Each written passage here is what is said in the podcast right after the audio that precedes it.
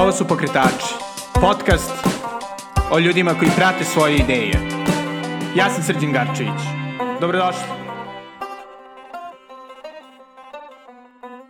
Ćao svima i dobrodošli u novu epizodu Pokretača. Pre nego što krenemo, želeo bih da se zahvalim svojim mecenama sa Patreona koji omogućuju da pokretači rastu i ostanu nezavisni. Ukoliko želite da podržite ovaj projekat kao i moj blog The Natural Times, molim vas posetite moj profil na Patreonu na adresi patreon.com kosacrta Belgrade ili ti patreon.com kosacrta Belgrade. Sada već tradicionalnu listu mecena sam prebacio na odjevni deo emisije, kako bih mogao što pre da vam predstavim svoju izuzetnu današnju gošću, Svetlanu Cecu Đolović, jednu od osnivača radioaparata. Radioaparat je online radio koji od 2016. emituje sjajnu muziku i emisije iz prostora Galerije Kolektiv u Karadžorđevoj ulici u Beogradu. Ceca je bivša muzička urednica Studije B, kome se priključila još u srednjoj školi.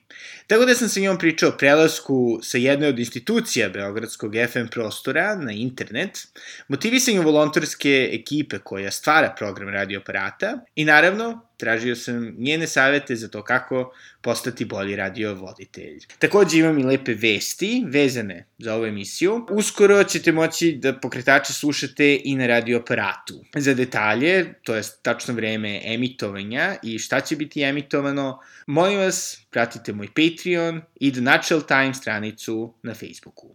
A sada, bez duženja, ovo je Ceca Đolović. Kao i uvek da krenemo od početka. Ovi, kako je uopšte došlo do radioaparata? Pre tri godine sada, da? Da, to je bio neki novembar, kad smo krenuli novembar 2016. I pa priča je onako vrlo bajkovita skoro rekla bih, zato što mislim, me, moja priča inače profesionalna je dosta neobična, jer sam kao tinejdžerka još na studiju B bukvalno onako iz ljubavi krenula na radio, da probam da vidim šta se tamo dešava i eto ostade kao neki životni poziv. Koja je to bila emisija? Prekobrani čas naravno, pošto je on, on jedini primao srednjoškolce, da kažem, pošto je to bila emisija koja je bila namenjena srednjoškolcima, ali prosto ne znam šta me je u stvari vodilo tome da, da kao slušalac zapravo zavirim u taj svet stvaralački. Jer mnogi ljudi ostanu ljubitelji radija večno, sa te druge strane, sa te slušalačke strane. Ne znam šta me je to tako ponukalo, čak i moja mama imala vrlo važnu ulogu u tome, jer je ona zvala Studio B da pita, da kaže, gde može tamo neko dete koje sluša radio ceo dan, da ode malo da nešto to radi, jer imam utisak da je ona opsednuta i tako. Tako da je, e, to je bila mala digresija u vezi sa studijom B, onda i, i ova priča sa radioaparatom ima neku tako, ne, po meni, magičnu neku, neku, neku, neki tač, ne znam. E, desilo se zapravo, sasvim slučajno, kad sam ja napustila studio B, to je bio maj, recimo 2016. Bukvalno sam bila u fazonu, ok, sada sabatikal, sada neću ništa da radim neko vreme, ne da sam imala ušteđevinu, nego sam prosto bila u fazonu, ok, kao mislim, ništa se ne nudi u svetu medija tako zanimljivo da bih ja sad trčala tamo da pređem i to bi se verovatno i desilo i ranije, pošto je Studio B bio u, ozbiljno, u ozbiljnim problemima dugo, dugo, mislim puno godina pre nego što sam ja otišla.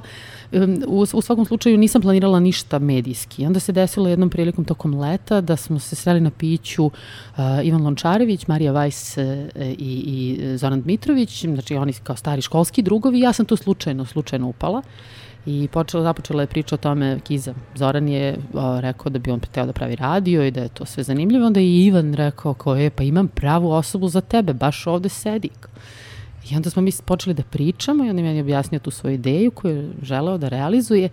I ja sam mislila, pa okej, okay, dobro, mislim, super zanimljivo zvuči, ali ne znam da li je ozbiljan za realizaciju. Kiza se javio sutra dan Mi smo otišli u zaokret na piće i počeli smo da pričamo ozbiljno o radioaparatu. On je tad već imao ime za radio, koji je zapravo zamislio po ugledu na jedan njujorski radio koji je radio iz izloga jednog restorana, mislim da, da je uh, Greenwich Village u pitanju. I e, taj radio je zapravo do, doživeo svoju, da kažemo, super status do, to, do, do tog trenutka da je imao toliko slušalaca da je maltene zbog autorskih prava i svih ostalih stvari morao da prestane sa radom. I Kiza rekao da, to je uzor, to treba, znaš, dotle da ste, kad smo, smo tako moćni da više... Znaš, znači do samoubistva. da, da, da. Ali u suštini zapravo je bila ideja, pošto je Zoran arhitekta, da istraži jednu, jednu ideju uh, postojanja radija u, u javnom prostoru i mi ovde kad smo zapravo došli, on je rekao da, da je uh, on uh, zakupio uh, prostor u Savamali, galerijski prostor koji je istovremeno i prostor biroa uh, koji se zove kolektiv arhitekata i e, pokazao mi je to mesto zapravo gde on mislio da u tom drugom izlogu sedi radio, to je stoji radio da se vidi napolju, ali to nije neka nova ideja, mislim bilo je toga i pre naravno, ali ta interakcija sa spoljnim svetom koja se čuje ovo sad e, dok mi pričamo, zapravo je ono što bi trebalo da čini ideju radija između ostalog i da ima tako jedan a, e, živ, a, e, stalno menjajući program koji je tek počeo onda da se oblikuje a, programski malo kasnije, ali zapravo prva ideja Zoranova i tu smo sad nasložili jeste da to ne treba da bude muzički radio, ne treba da bude sad ni neki šalala radio priča o bilo čemu, već da bude ipak društveno osetljiv, da se bavi temama koje su, koje su važne za razvoj društva, da ne bude, ali, da, ali da ne bude tipično politički, znači da ne bude ono radio koji sad ima vesti i političke emisije, već da se nekakav politički stav može naslutiti vrlo lako iz, iz ostalih govornih sadržaja koje ima, koje nisu, kažem, striktna politika. Tako da smo u stvari krenuli pa onako entuzijastično sa dosta velikom neizvesnošću, zato što pregraditi jedan medij od, od nule je da vrlo neizvesno u Srbiji posebno. I onda od tada što bi se rekla je sve istorija. istorija da, čeka je ovako kratka. Nama za nas je to stvarno onako istorija vrlo značajna. Da, čisto mi interesuje ovaj, kao neko ko je u profesionalnom radiju proveo dosta dugo, jeli još od srednje škole, ovaj, kako izgledao taj prelaz na nešto što je dosta, da kažem, manje tehnički, uopšte organizacijono razvijena ideja? Pa, um, ja, ja sam boraveći na studiju B zapravo i gledala kako zapravo moraju da se, da, se transformišu ti veliki sistemi. Kako radio u stvari iz onog vremena 70-ih kada je možda bio i najmoćniji ovde, a posle do 90-ih kada je bio najuticajniji ovde, zapravo shvataš da mora, da, da za, mora taj, da logistika radija prvo mora da se pojednostavi i da je to prosto trend koji je koji je vrlo opravdan s obzirom na to da je to tehnologija omogućavala i samo prateći razvoj formata na kojima smo slušali muziku od 70-ih do sada, eh, shvatili smo zapravo da će to sve jednog dana, mislim da ćemo mi program moći da nosimo na mobilnom telefonu, što se danas i dešava. I mislim da je Studio B vrlo, da kažemo, koliko je god mogao pratio je te tendencije. Naročito muzička redakcija, Slobokonjević je tu bio vrlo, vrlo advanced za, za, za sve inovacije što se tiče ne samo zvuka, muzike i onoga što ona donosi, već i toga kako, kako se ona plasira i na koje načine. I onda kad je došao internet, to je onda delovalo kao, uf, pa normalno. E mi smo tu možda, onda smo se zakočili, jer je tu već krenulo siromaštvo, velika firma koja ima puno ljudi, koju treba sve platiti, gde su ta, ti razni poslovi, sistematizacija poslova nije bila spremna za sadašnje vreme, jer smo mi, sećam se, e, imali velike probleme da objasnimo našoj upravi da, da treba da naprave formulaciju DJ. Šta je to sa DJ? Pa to je voditelj koji, se, koji je istovremeno i muzički saradnik. Znači, mi smo imali do sad muzičkog saradnika, pa smo imali voditelja, pa smo imali novinara, pa smo imali, ne znam, nije, nije, nije bilo tako razuđeno kao na Radio Beogradu i dan danas, ali je bilo prilično.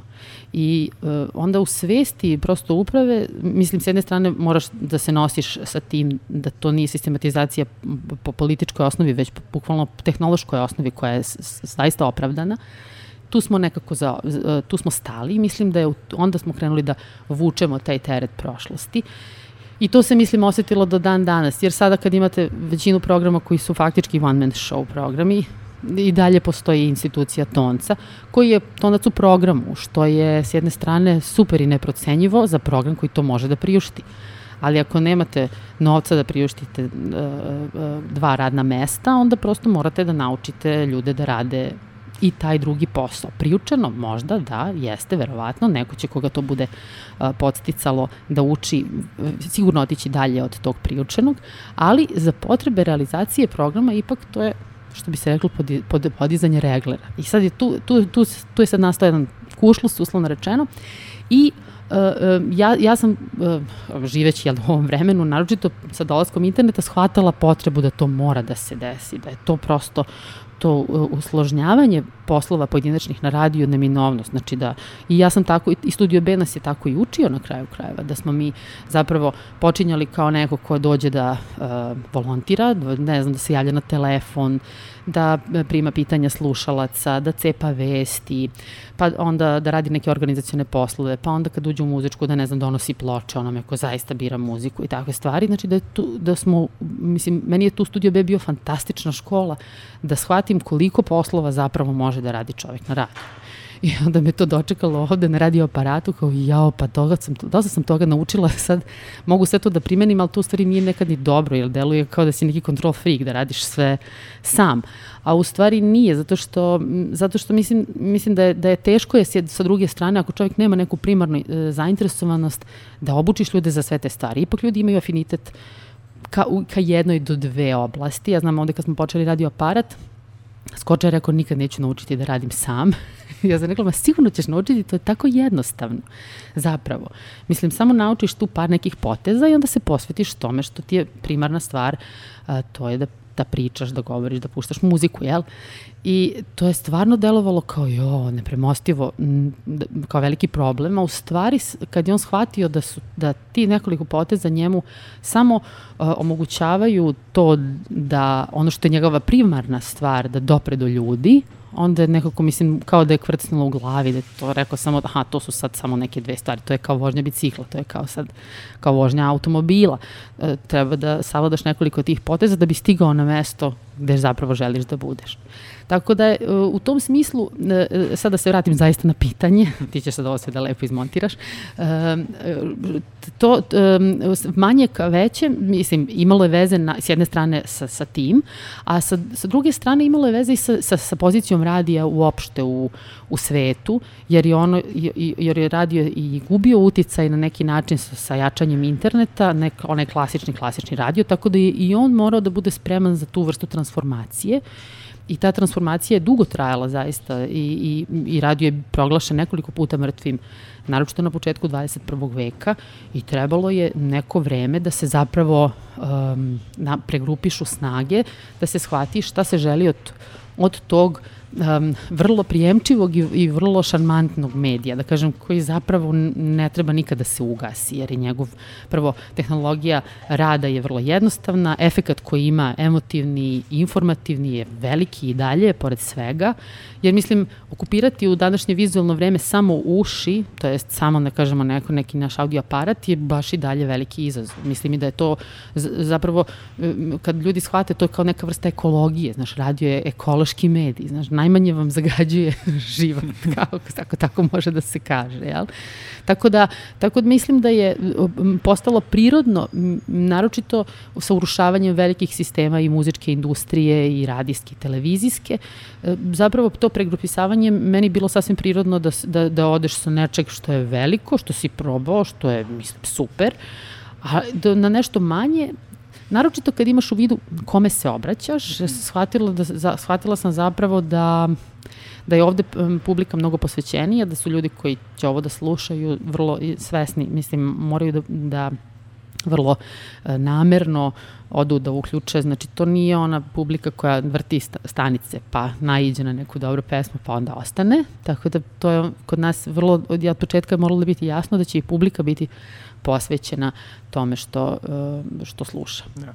A pre nego što se okrenemo ovaj priči o publici, čisto mi interesuje baš u tom trenutku kada si napustila Studio B i je li ono non stop si naravno bila svesna toga kako se menjaju mediji u svetu, menjaju mediji u Srbiji. Da li si ikada razmišljala da možda skroz promeniš posao, u smislu da prestaneš sa radijom? Pa jesam, jesam, zaista i mislim poslala sam CV u Ikeu. zaista bila sam u fazonu ok.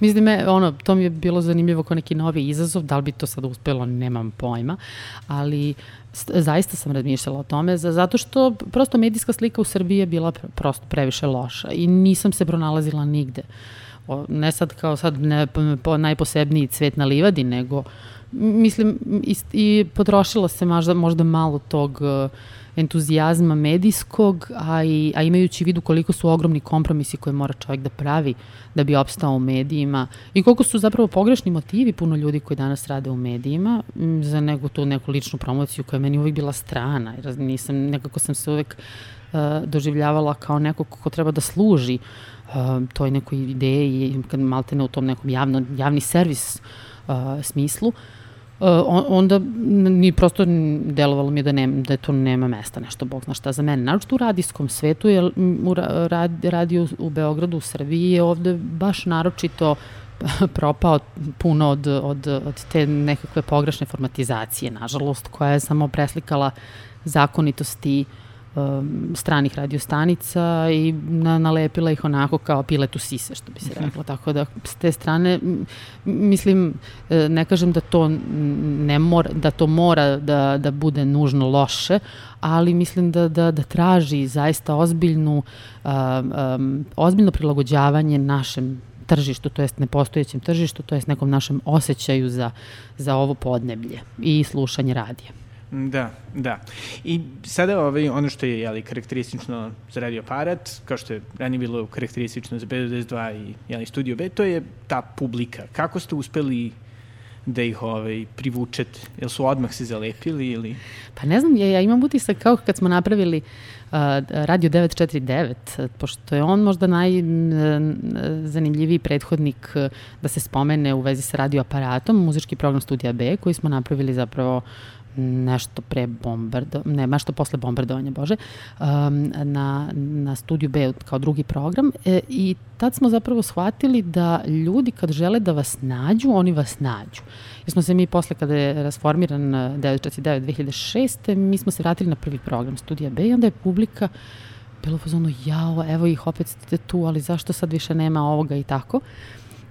Ideja sa radioaparatom jeste bila da pomoću imena koja su već poznata u, u slušalačkoj e, svesti, e, na neki način nekoj od njih, jeli, e, da zapravo napravimo neku osnovnu bazu. Mislim, jer, jer je postojala njihova potreba da slušaju te ljude ponovo, to jest nas.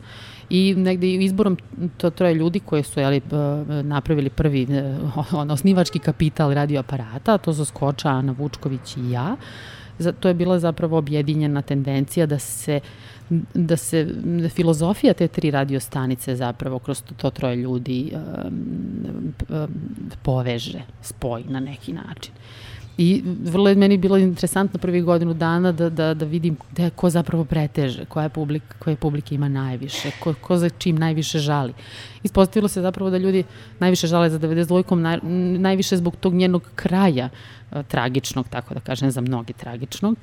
I, e, I onda nekako, eto, ja sam i onda pustila malo da to bude tako sentimentalnije na tom, na tom talasu, ali definitivno sam protivnik uh, sentimentalnosti na radiju, zato što je, jest, ljudi često doživljavaju radio kao sentimentalan medij, jer te ono vraća u neko vreme, neko, znaš, ono crno-belo, uh, sreća, idila, Pleasantville i to. Ali ja mislim da je radio uh, živ zato što, zato što je jako dinamičan i zato što je modern, nevjerovatno modern, br, vrlo brz medij koji može da vam da, da, da spoji nekoliko svetova na, na, na vrlo efikasan i kratak način. Tako da uh, i odlaskom, skočenim odlaskom u Ameriku nekako je to, eto, ta priča u vezi sa sentimentalnošću se, nekako se taj krug zatvorio i ljudi su, opet naravno slušamo ga uh, sad u vidu podcasta ali, koje on šalje iz, iz Amerike, ali um, čini, čini mi se da to vreme uh, koje, koje je za nama treba da ostane nekako u prošlosti. Mislim, ja bih volela da ljudi izborom radioaparata zapravo ok, ne da gazimo po tradiciji, daleko od toga, jer ja sam prva za to da, da, da, da, da je ovde taj diskontinuitet konstantni sa svim stvarima najveći problem zapravo, da ljudi stalno imaju utisak da počinju iz početka. Ja sa ponosom uvek kažem da sam provela najveći deo svoje karijere na studiju B i da, da, da, da, i od sećanja na studiju B volim da ljudi ostave najlepše, najbolje kao i za 92-ku, kao i za, i za Radio Beograd, naravno, koji je dalje tu. Ali hoću da kažemo tih vrednosti, tih velikih sistema, velikih kuća, da mi želimo samo da uzmemo osnove, dobre, dobre temelje, ali da ipak gradimo nešto svoje. Sad šta je to svoje, to i dalje otkrivamo, jer 21. vek i radio to je sad jedna, jedan vrlo neobičan uh, koncept koji traži mnogo više od samo zvuka. Da, i recimo baš u tih ovih prvih godinu dana, šta je bilo nekako najveće iznenađenje? Pa, meni je najveće iznenađenje bilo koliko brzo su se ljudi uh, povezali, koliko su ljudi brzo je išlo od usta do usta ta priča o, o tome da postoji novi radio, da je, da je tu nešto zanimljivo, da ima prostora da se tu ljudi iskažu i prosto se kao, kao, mre, kao neka paukova mreža se odjednom stvorila i ljudi su počeli da um, dolaze, da se javljaju sa raznim emisijama, sa predlozima šta bi hteli da rade, gde oni vide šta, šta, šta žele. I meni je to bilo jako, jako, jako uzbuljivo, moram da kažem, jer smo mi započeli ovaj, da kažem, muzički program sa idejom ne znajući e, koliko će brzo da se razvija taj govorni program, a ja sam znala od uvek i na studiju B to bila situacija da ti ne možeš da u stvari siluješ a, govorni sadržaj. Ti moraš govorni sadržaj da intuitivno, da nekako da ljudi prepoznaju da je to nešto što hoće da rade, jer ti kad kreneš nekoga da guraš u nešto, naročito kad radiš volonterski, to u principu može da bude velik, mislim, mač sa dve oštrice. A, da, a ove, jeste imali neke, uslovno rečeno, oni metrike uspeha, recimo, tih prvih godinu dana? ne, šalim se. Ne, mislim, mi smo tako jedan totalno anti-biznis koncept, što je najgore. Mislim, da to bi verovatno neko ozbiljan i stručan mogao sad lepo da, da bi se reklo da s, s, sameri i da kaže to je to, ali mi prosto, toliko je to sve uh, išlo brzo, da ja, čak i kad, da bis, kad smo, kad, kada bismo hteli, to je da smo hteli, mislim da nismo imali vremena.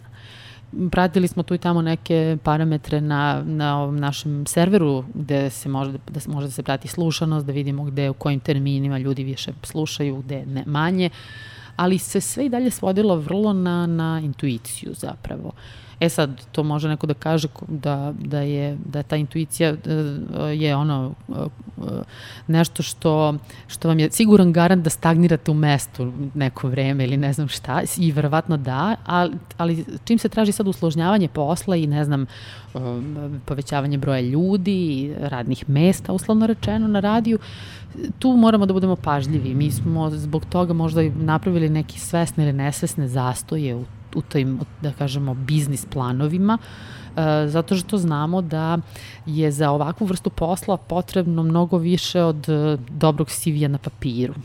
Mislim, to je ono što, što ovaj posao traži. Ne samo posvećenost neku slušalačku, zato što mislim da je neophodno ako radite na radioaparatu da volite da slušate radioaparat, već i da, da ste stvarno sposobni od toga da ne znam, obučavate nove ljude da rade, pa onda da, ne znam, pravite playliste, da pravite košuljice za sokoj, ne znam, da potpremite posle zabave koju pravimo, ne znam, da možete da namestite kablove koji krče ili šušte, da možete da registrujete eventualno neki problem tog tipa, jer mi smo ovde stvarno s jedne strane priučeni um, i da ne bude ono, da kažemo, nepoštovanje prema svim tim prozbiljnim profesijama koje se time bave. Mi bismo sve to voleli, ali mislim ne možemo da priuštimo sve te stvari, jer to kad se stavi na payroll, da kažemo tako, redovno, ne znam, tehničko održavanje, uh, tehnički ljudi i sve ostalo, to onda poskupljuje ovu celu stvar e, jako puno. Tako da eto prosto moramo, morali smo i o tome da mislimo i, i zato, je, zato je ovo ovako kako jeste ali da je definitivno, ne znam, možda sad i stagniramo sa tipa slušalcima, mada mi se ne činite je tako, zapravo da, da, je, da je sada možda više situacija da uh, kada jedan, da jedna osoba sluša radio aparat da nije sama u prostoriji, znači da nije jedan uključeni kompjuter ili jedan uključeni stream, ne znači jedan čovek, već uvek znači više, to je možda tajna uspeha radio aparata.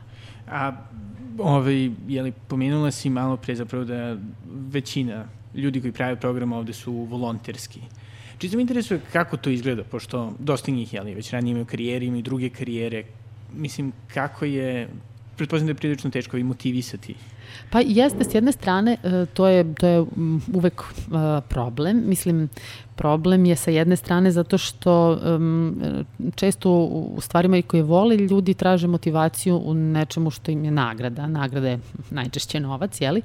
E, mada ovde u našem slučaju do, dobra stvar što je ljudima na neki način nagrada dolazak ovde, druženje, neka relaksacija, da popiju piće sa prijateljima, da pozovu ljude koji su uvek želeli da čuju, e, da se možda na neki drugi način eksponiraju u javnosti koja je mala, ali opet e, zanimljiva u smislu i, i, i nekako kao ciljna grupa. Tako da, e, i mislim da su, da su mnogi ljudi shvatili neku realnost internetskog života, da sad tu ne govorimo nikad o velikim nekim tiražima i ciframa, I samim tim da je nekako ni nerealno tražiti sad neki neviđen novac ili novac. A ako, ako po meni, ako biraš između simbolike i, i, i ničega, pa onda mislim možda i ništa. Mislim, ne, ne kažem da je to filozofija koja je dobra, ali hoću da kažem da je za mnogi ljude koji imaju svoje već dnevne poslove, to je bukvalno sad stvar, ono, ja bih volila da mogu var svakome da platim taksi ili da platim piće, što se nekad dešava, ali kao u principu e, mislim da je to zapravo do, do lične motivacije i, i sad naravno ima, ima i emisija koje su ne znam, imale svoj, imali, su, imali su svoj radni vek, to jest završile su neke svoje cikluse, možda ćemo se ponovo družiti, možda ne. Neke emisije prirodno potroše goste, da kažemo potroše uslovno rečeno. Jer ima emisija koje su vrlo, ne znam, e, specifično e, koncipirane, da, ne znam, bukvalno e, određeni lifestyle podržavaju, ali ne u smislu lifestyle kao, ne znam, nešto ovo iz časopisa, već ono, tipa, slušam ovu, ovu vrstu muzike, podržavam ovu, ovu vrstu filmova ili tu vrstu muzičara i onda kad se taj svet koji nije tako veliki, izvrti, onda prosto ste onda u, u situaciji da nemate više, sad možete da, da krenete iz početka, da kažem, taj krug da vrtite, jer se u tom svetu ne dešava sad svaki da, ono, mesec dana da imaš pet novih imena ili deset. Tako da s te strane, mislim, ima, ima situacija, recimo imali smo super emisiju Sunce, koja se bavila domaćom muzikom, ali Pavle Stašić, koji je autor emisije, on je imao vrlo specifičan ukus za domaću muziku. Znači, samo CC i Seka. da, da, da. I onda je to bukvalno jedan krug koji onako, ko, u inače uskoj toj maloj alternativnoj sredini naše, naše domaće muzike, on je našao još jednu nišu koja je još manja, manja, manja, znači tamo neki, tamo neki ćošak. Mislim, naravno i pored nekih etabliranih imena, ali, ali to isto staje neki jedan svet koji se zapravo zatvorio I on je napravio e, ciklus od 100 emisija i e, sa svirkama koje su ovde išle super uživo, koje pa radi fantastično. I rekao je, ja sam ovde, osmislio sam ovde bude o 100 i to je to. I onda ja sam bilo uzmano, ja papajo, ajde još, još, još, kao ne, ne, ne, ne, ja sam to tako smislio, možda se javim u sledećoj nekoj inkarnaciji, naravno hoće da se bavi drugim stvarima ve, vezani za muzičku produkciju i, i ostale stvari, tako da mu je i trebalo i vreme, jer ljudi kad ozbiljno shvate uh, neku emisiju na radioaparatu, mislim da im to ipak uzme neko vreme i pripremi i u, i u radu i nekako i vole da, da, da, da to bude ozbiljno, koliko god je moguće, mada ima emisija koje su nekako nastale iz neke čiste improvizacije improvizacije, pa isto imaju onako sledbeništvo koje je onako ležerno i fino. Da, i ono što je impresivno, zato što mi se čini nekako kroz ovaj, vaš razvoj da ste se dosta fokusirali da obslužujete te razne niše beogradske i srpske alter, možda čak i regionalne alternativne scene. Je li to bila svesna odluka ili je nekako ono ste videli da to funkcioniše pa ste nastavili? Pa ja mislim da je opet isto intuicija bila u pitanju. Ajde, svesno je bila do nekle, kažem, da, je, da smo želeli društveno angažovane sadržaje koji su, s obzirom to kako je srpsko društvo, sada, u kakvom je sad stanju, da sve to dospada u neku alternativu, neki underground manje ili više. Mislim, ja bih voljela da kada bi radio aparat bio mainstream, ali mislim da ta Srbija nije, jo, nije ne postoji još, mislim, nažalost. Jer, jer mislim da ove teme nisu mainstream ni u drugim mnogo razvijenim sredinama.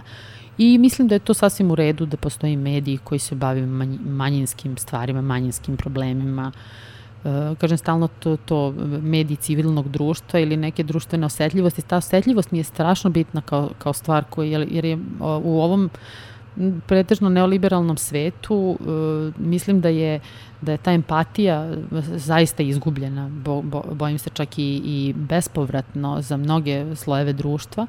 I mislim da je važno stalno podsjećati svet o tome da ima mnogo slabijih od nas kojima treba i pažnje i ne znam, i, i sredstva za život i sredstva za funkcionisanje, da kažemo onako oruđa, da kažemo tako, Tako da nekako je to nama prirodno da, da se bavimo tim, ne znam, ugroženim grupama, nekim ne, neshvaćenim, ne znam, da, da prosto um, i manjina ima neki svoj glas, da kažemo, ok, pa to što smo manjina nije, ne znači da sad ne treba da uopšte, da, da, ne da se pitamo ni zašto, pošto se ne, ne pitamo uglavnom, ali možemo da budemo dovoljno glasni da neke stvari isteramo. I tu je recimo odličan primer uh, nezavisne kulturne scene Srbije, koja zaista kao jedna krovna organizacija puno nezavisnih umetničkih udruženja i kulturnih e, zapravo e, je našla način da, da, da, da svojim, svojim radom i svojim aktivnostima bude čuta od strane establishmenta i to e, pisanjem raznih žalbi, tužbi, prijava,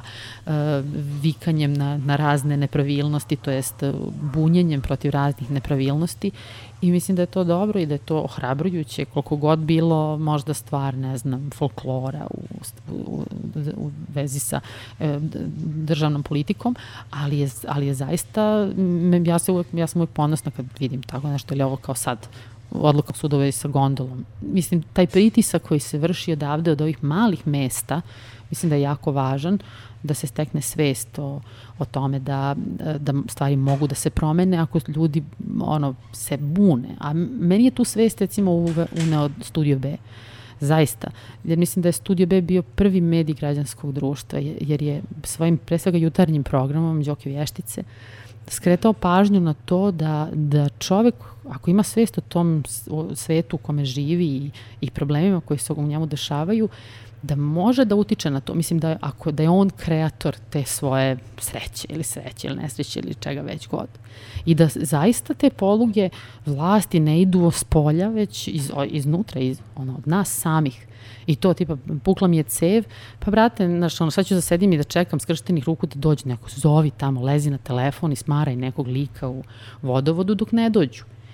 I to je recimo, meni je to jako bilo dragoceno da shvatim da je Studio B zapravo tu prvi, tu građansku neposlušnost, uslovno rečeno danas, kako je formulišu često, ali mislim da to nije, to je bukvalno uh, uh, znak da ti je stalo do sobstvenog života takav jedan način, proaktivan način uh, uh, odnos, odnos prema ne samo vlasti, već i svim drugim stvarima koje se tiču vas konkretno. Da, da. I sada ovaj, da se, da se vraćamo možda na, na par tehničkih mm -hmm. stvari. Ovaj, od ljudi koji su se pridružili radio aparatu za ove tri godine, ovi koji procenat je ranije imao, da kažem, radijsko znanje? Pa e, to se isto promenilo, moram da kažem, ja sad ne znam tačno u, u e, ne znam, u neke bro, brojke, ali mislim da je zapravo mali broj, možda 20%, možda 30%.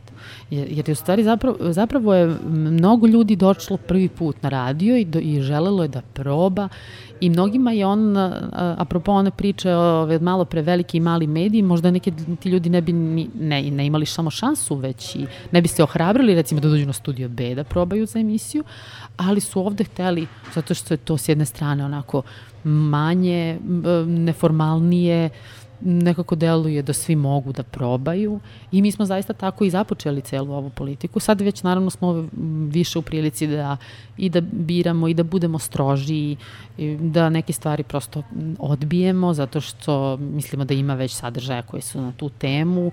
Tako da zapravo je prilično veliki procenat, ajde da kažem 70, 60, 70% sigurno, ako ne i više, ljudi koji nisu nikada probali da, da rade na radiju. I šta je ovaj u, nje, u njihovom, da kažem, radijskom treningu bilo najbitnije? Pa ja mislim samo da, da se opuste uh, uh, oko tehničkih stvari. Jer mislim, ja znam recimo u primjeru, na primjeru nekih emisija koje sam ja, da kažem, zaintrigirala da probaju da rade ovakve stvari. Došli, do, dolazili su kao gosti na radio i znala sam da rade recimo neke zanimljive stvari. Konkretno poslednji primjer je FFM-a um, Dunja i Marija su radili tribine na temu uh, mode i održivosti u modnoj industriji i meni je to delovalo kao baš ono što se uklapa u neku našu priču, a one nikad nisu radile na radiju i bilo im je kao čudno, pa dobro, mislim imamo iskustva sa javnim govorom, ali kao radio je sad kao kakav radio. I to je bilo sad stvarno par nekih uh, instrukcija, tipa podižeš CV regler do kraja, nemate muziku, znači samo pričate, gosti kao stavite slušalice, gledajte da svi pričaju u mikrofon i to je to i prosto razmišljate samo onome što pričate, znači nemojte više da mislite o tehnici. I zaista to vrlo je to lako. Ljudi su to shvatili, mislim, ne znam, valjda i današnje vreme koje te podučava da na svakom uređaju koji imaš, imaš to nešto za snimanje, imaš nešto za slikanje. Tako da to, mislim da, da su ljudi inače tehnički mnogo više obučeni, obučeni, naročito mladi e, danas. Tako da ono što, gde je meni najveća frka da nešto ne otkaže ovde, pa da oni ne padnu u neku, neku dramu, Uh, to se ispostavilo da se zapravo ne, ne desi ili kad se desi onda mi brzo intervenišemo ali uh, uh, do, dobra je stvar što je zapravo 21. vek, vek tehnologije, te nam je u tom smislu pomogao da, da to nešto što bi možda pre 20 godina bio totalni bauk, znaš ono, jao, sedneš pred miksetu, šta sad radim, o nekoliko dugmića, katastrofa, to je danas, mislim, ipak, ipak lakše za, za, za razumevanje. Da. A što se tiče, uslovno rečeno, nekih stilskih stvari, pošto dosta ljudi se sada žali kako su kriterijumi medijima skroz propali, niko se ne brine o gramatici, dikciji, uh. jel ste tu tolerantni ili... Pa, znaš kako, je, s jedne strane jesmo, sa druge strane, mislim, ja sam totalni fašista što se toga tiče, s tim što ja ne, znaš, ne ako krenem, ako krenem pod emisiju da emisija, to će biti strašno. I onda se zapravo sve, svodi na to da svojim primjerom, koliko god mogu da, e, eto, da dajem smernice, smernice, nije smernice, ali eto, da pokušam da kažem ljudima, evo, ovako bi volela da to zvuči, ako, ako je do mene, ali Ali definitivno je tako I, i mislim uređivački je tako, ali ja sam svesna takođe da, da ja ne mogu previše da zahtevam od ljudi koji su volonteri i da prosto moram da nađem načina da, da najfinije i naj, uh, da kažemo tako, drugarskije e, ih motivišem da nastave da rade, da ih korigujem tamo gde baš mora.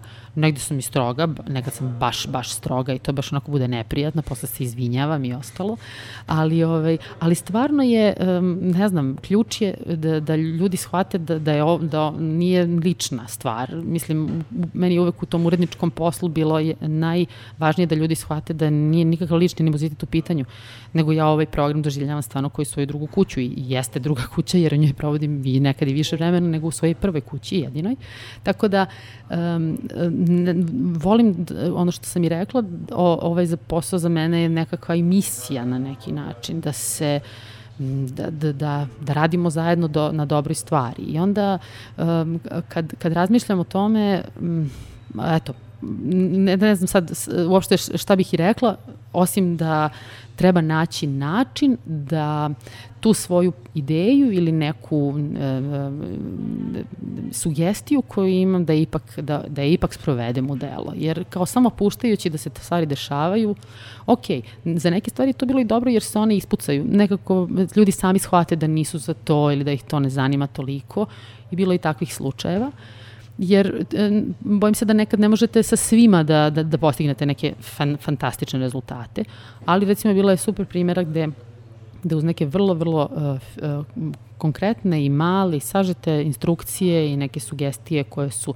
koje su pre svega uh, bile namenjene slušanju stvari iz polja, znači iz, iz perspektive slušaoca, koji, recimo ima dosta nekih emisija koje rade stručnjaci u svojim oblastima. I onda je to, taj most zapravo da nešto što je stručna stvar učiniš prijemčivim za on, onoga ko nema veze o tome, ništa ne zna o tome, to je zapravo moj najteži zadatak. I onda to su recimo emisije poput komunifikacije ili naučnog megafona sada, ili recimo emisije iz psihologije, uranjama osjećanja. E, dakle, emisije koje vode ljudi koji su stručni i koji pričaju najčešće sa stručnjacima. Uh, I uh, onda u tom smislu uh, ima različitih pristupa i onda nekad se ti pristupi ne slažu, mislim neko voli populističkije, neko voli mnogo ljuto stručno i sad ja treba sve to da nekako pomirim i da kao finalni slušalac neko ko je ne onaj naj, najniži uh, zajednički imenitelj, već onaj najviši, jer volim da mislim da su slušalci radioaparata stvarno inteligentni ljudi koji mogu svojom glavom dosta promoćurno stvari da razmisle. I, uh, kažem, kad, kad razmišljam o tim slušalcima, onda kažem, joj, dobro, ali ovo je baš i za najnaprednijih slušalca mnogo komplikovano. Mislim, baš je teško sad da slušam čas iz, iz astronomije, pola sata, baš je nezgodno. Mislim, jer, jer mediji ne voli, recimo, konkretno takvu neku formu. Razbi na kraće, ono, daj neku muziku, daj neki džingl, nešto da se dešava da može to malo bolje da se stvari lakše. Eto, i to su recimo stvari, u, u tom smislu e, intervencija koje, kojih, mislim, uvek ima i uvek može bolje, naravno, ali kažem, vraćam se često na to da ljudi ipak volontiraju, mnogi sa njih e, prvi puta probaju u ovome i imaju tek neke svoje a, dileme i treme i ostale stvari i onda moram svakom da dam fore, bar ne znam, dva, mesec, dva, da, da, eto, da sad eto legne na svoje pa da vidimo zapravo na čemu smo. Da, a samo ovaj, čisto ukratko, ali postoje neki dobri resursi, izuzev rade, jeli, na velikim profesionalnim radijima, da bi se te neke stvari uočile, ono, e, resursi u smislu... U smislu ili ono, ne znam, materijali, dobre, ono, dobri tutoriali, ili je samo ono, budite slušalac, samome pa, sebi. Da, ja mislim da je to često dosta dobar korektiv. Mislim, ljudi, ja, ja znam kad sam ja počinjala da meni to bilo jako važno da se, se slušam šta pričam i kako pričam i šta radim. I to, je, to je bio proces koji je trebao godinama. Godinama. I dalje ljudi imaju prigovore na to. Pa nemoj da gaziš pe, vokale, nemoj, ne znam, mnogo to nešto pričaš stalno preko pesama i to ok, neke stvari su postale deo mog stila sada, ali, ali je stvarno e, u smislu to kao da li se čujem, da li sam razgovetna, e, predugo mi je pitanje, e, šta sam zapravo sad htela sa ovim, ovaj gost već priča pet minuta, istu stvar vrti u krug, mislim, morala sam da ga skratim, morala sam da ga prekinem.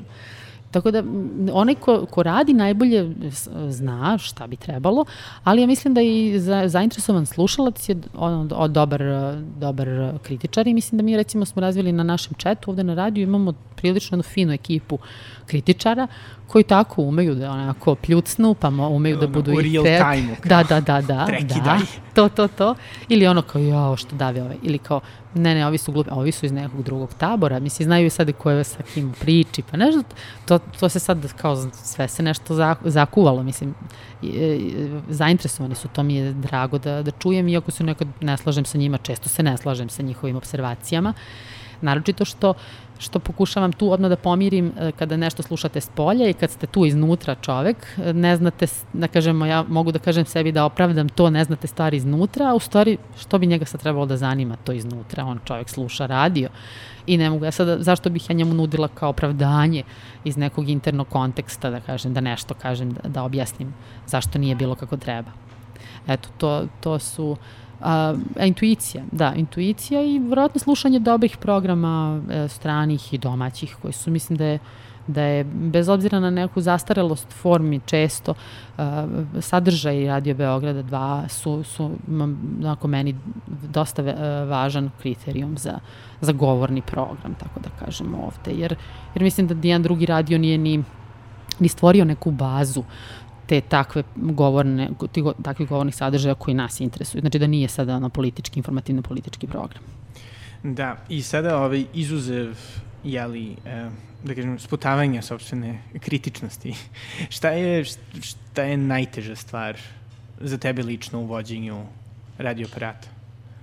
Pa to da nema dovoljno vremena za stvari. Mislim, uh, Zato što uh, ja sam shvatila ovde pomiriti jednu kreativnu stranu i, i tu tehničku stranu je, je zapravo teško. Mislim, teško je u, u smislu traži puno vremena, traži bukvalno da nemaš privatan život nikakav. E sad, ja znam da je to isto situacija kada si u povoju, kada si nov, kada to ima, ima puno stvari da se radi, ali je definitivno, ne, znaš, ono, čeznem za, za vremenom kad mogu, no, tipa da sedem da pa, ne znam, smišljam neki džingl da ga montiram to smatram kreativom. Da ne govorimo o vremenu koje ti uvek fali za slušanje muzike nove, stare, ne znam, preslušavanja neka, ne, pa onda pravljanje nekih emisija i sadržaja koji se tiču tog, da kažemo, nagomilanog poznavanja ili bavljenja određenom temom. I to je ono, ono gde trpi na konto ovoga što se radi ovde svaki dan, znači montiranje emisija, kačenje Mixcloud podcasta i ostalih stvari, da kažemo tih tehnikalija, da ne kažem slušanje radija koje uzima sada vreme ozbiljno, jer ja sad kad dođe neki gost, pa onda šalji poruku, priđi, pri, recimo da priđe mikrofonu, ne, ugasi, podigni regler, ne, zaboravila si šta je sad, crkla je Zara, uh, dobro, čekaj, da uđemo team viewer, mislim, to su te stvari koje se dešavaju na dnevnom nivou i nekad bukvalno kad ne uključim radio ono 6-7 sati, onako frka je. Kaže Mimi, Mimi, molim te, neću biti narednih 6 sati pri, rad, baš ono, pri mogućnosti da slušam, vidi ako da, da, da ne, ono, ne iskoči osigurač taj fazon. Da ne govorimo ove situacije kad nestane struje ili kad nestane interneta, da je tu sad onda cela pomama, mislim, ne samo slušalaca, već i nas, jer je to jako neprijatno. Mislim, ovaj radio ceo funkcioniše na te dve stvari, znači struja i internet. Tako da kao, kad nema ne, jednog od ta dva, baš je nezgodno. I, I onda i tu sad treba onda zovi SBB, pa onda šta je, pa onda nije, nije router, restartovali smo router sedam puta, kao do nešto je do vas. To. Tako da, tako da u stvari to ta kombinacija puno stvari koje treba da se urade, da ne kažemo to, o tome da da, da je jedan dobar deo programa radioaparata zapravo se tiče i uh, spoljnih sadržaja, da kažemo tako, mi smo prve godine radili seriju tribina sa Mjehurom, pa smo radili koncerte ovde u prostoru, pa radit ćemo i neke radiodrame u ovoj sezoni. Tako da, eto, pokušavamo i, i sa te strane da napravimo neki drugi, ne samo radijski program, koji opet traži planiranje, rad na tome i ostalo, tako da... Da. I otprilike, evo, ono, u idealnom slučaju, kako će radio aparat izgledati za tri godine? Uh, pa ja mislim još šarenije, još razuđenije sa sadržajem. Mislim da ideja da se malte ne na svaka dva sata smenjuju ljudi, samo što je to često zbog prirode poslova koje rade, ovih day jobs koje rade, um, nekako je jedan deo govornog programa premešten u taj drugi deo dana, kada oni završe posao pa dođu. Sad ja bih volila da je ovaj prepodnevni koji je sad onako više ležan i taj i easy listening muzika i ne znam, malo priče sa gostima. Bilo bi super da to sad sve, sve teče, da ide da se nekako pozicioniramo i van, da kažemo, radijskog programa, u smislu, da kažem, sa tim sadržajima koje pravimo, sa, sa objavljivanjem muzike ili ne konkretno sa objavljivanjem, nego sa nekim strateškim partnerima koji imamo već na tu temu, da promovišemo stvari u koje verujemo. Znači, počeo od muzike, do koncerata, objavljivanja i svega ostalog, do, do naravno, ovih sadržaja aktivističkih, znači, da sadimo drveće, da, ne znam, protestujemo tamo gde treba oko stvari koje nam se ne dopadaju, mislim, naročito u tom ekološko, društveno angažovanom smislu.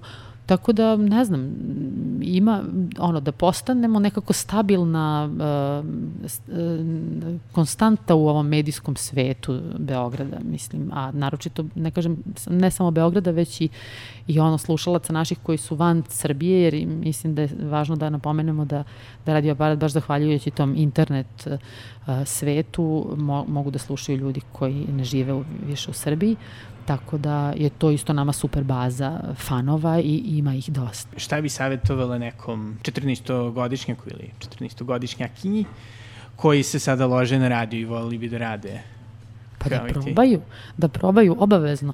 Znači prvo da se, ne znam, uvek možete da probate od telefona, znači iskoristite prvu moguću uh, tehnologiju koja vam je dostupna. Znači, ne sad ono da čekaš da imaš uh, ono, fantastičan mikrofon, miksetu sa šest kanala i, i kompjuter od 1000 evra, nego kao prvo probaj sa onim što, što imaš da, da, da, da napraviš neki zanimljiv sadržaj, jer mislim da je, i sa druge strane, mislim da je radio e, fantastična forma, e, fantastičan medij, zato što e, sa jedne strane ima visoke domete u formi, u obliku, u sferi sadržaja i sa druge strane možda ima u sferi forme. Forma je možda malo zapostavljena, ali nekad je bila fantastična zahvaljujući recimo velikim toncima ove sredine. Robert Klein je možda bio jedan najvažniji od njih. Gde ti možeš jednu, jednu stvar tipa džingl ili špicu ili nešto, ne znam, neki miks da napraviš, da tako podigneš na nivo mal, male umetnosti koliko to može da bude kreativno. I samo treba naći tu neku stvar, mislim, mladi se mnogo češće okreću, ne znam, nekom DJ-ingu i e, petljanju sa, sa kontrolerom, što je isto fantastično, što isto jako podržavam, ali je u, u kontekstu recimo radijskog programa vi možete puno da uradite i na formi, na, u, u sadržaju, ali u, i u, u smislu forme, zavisi šta vas od toga zanima, šta vas loži, mislim od onoga scratch, uh, ra, isprobavanje raznih filtera, raznih um, neobičnih uh, zvukova koje možete da pravite, mislim, samo treba da nađete šta vas zapravo zanima. Ako, ako vas zanima radio kao ja nikad nisam verovala u to da vas radio zanima skroz, ono sve kao, mislim, ti uvek imaš nešto i onda i voliš ceo taj paket, ali to jedno nešto što te baš, baš loži, probaš sa tim i ideš dalje. Mislim, uvek možete dođeti na radio para da probate. I to je bila Ceca Đolović iz radio aparata. Ako vam se svidela ova epizoda, molim vas podelite na društvenim mrežama. Pokretači moj blog The Natural Times možete podržati preko Patreona na patreon.com kosa crta Belgrade. Moje mecene kojima sam izuzetno zahvalan su Miroslav Radović, Nadežda Dramićanin, Aleks Debiževi, Mladen Jovanović, Steven Friker, Anđe Savić, Ana Janošev, Felix van Licenburg i Jessica Kronešova. Do sledećeg slušanja, doviđenja.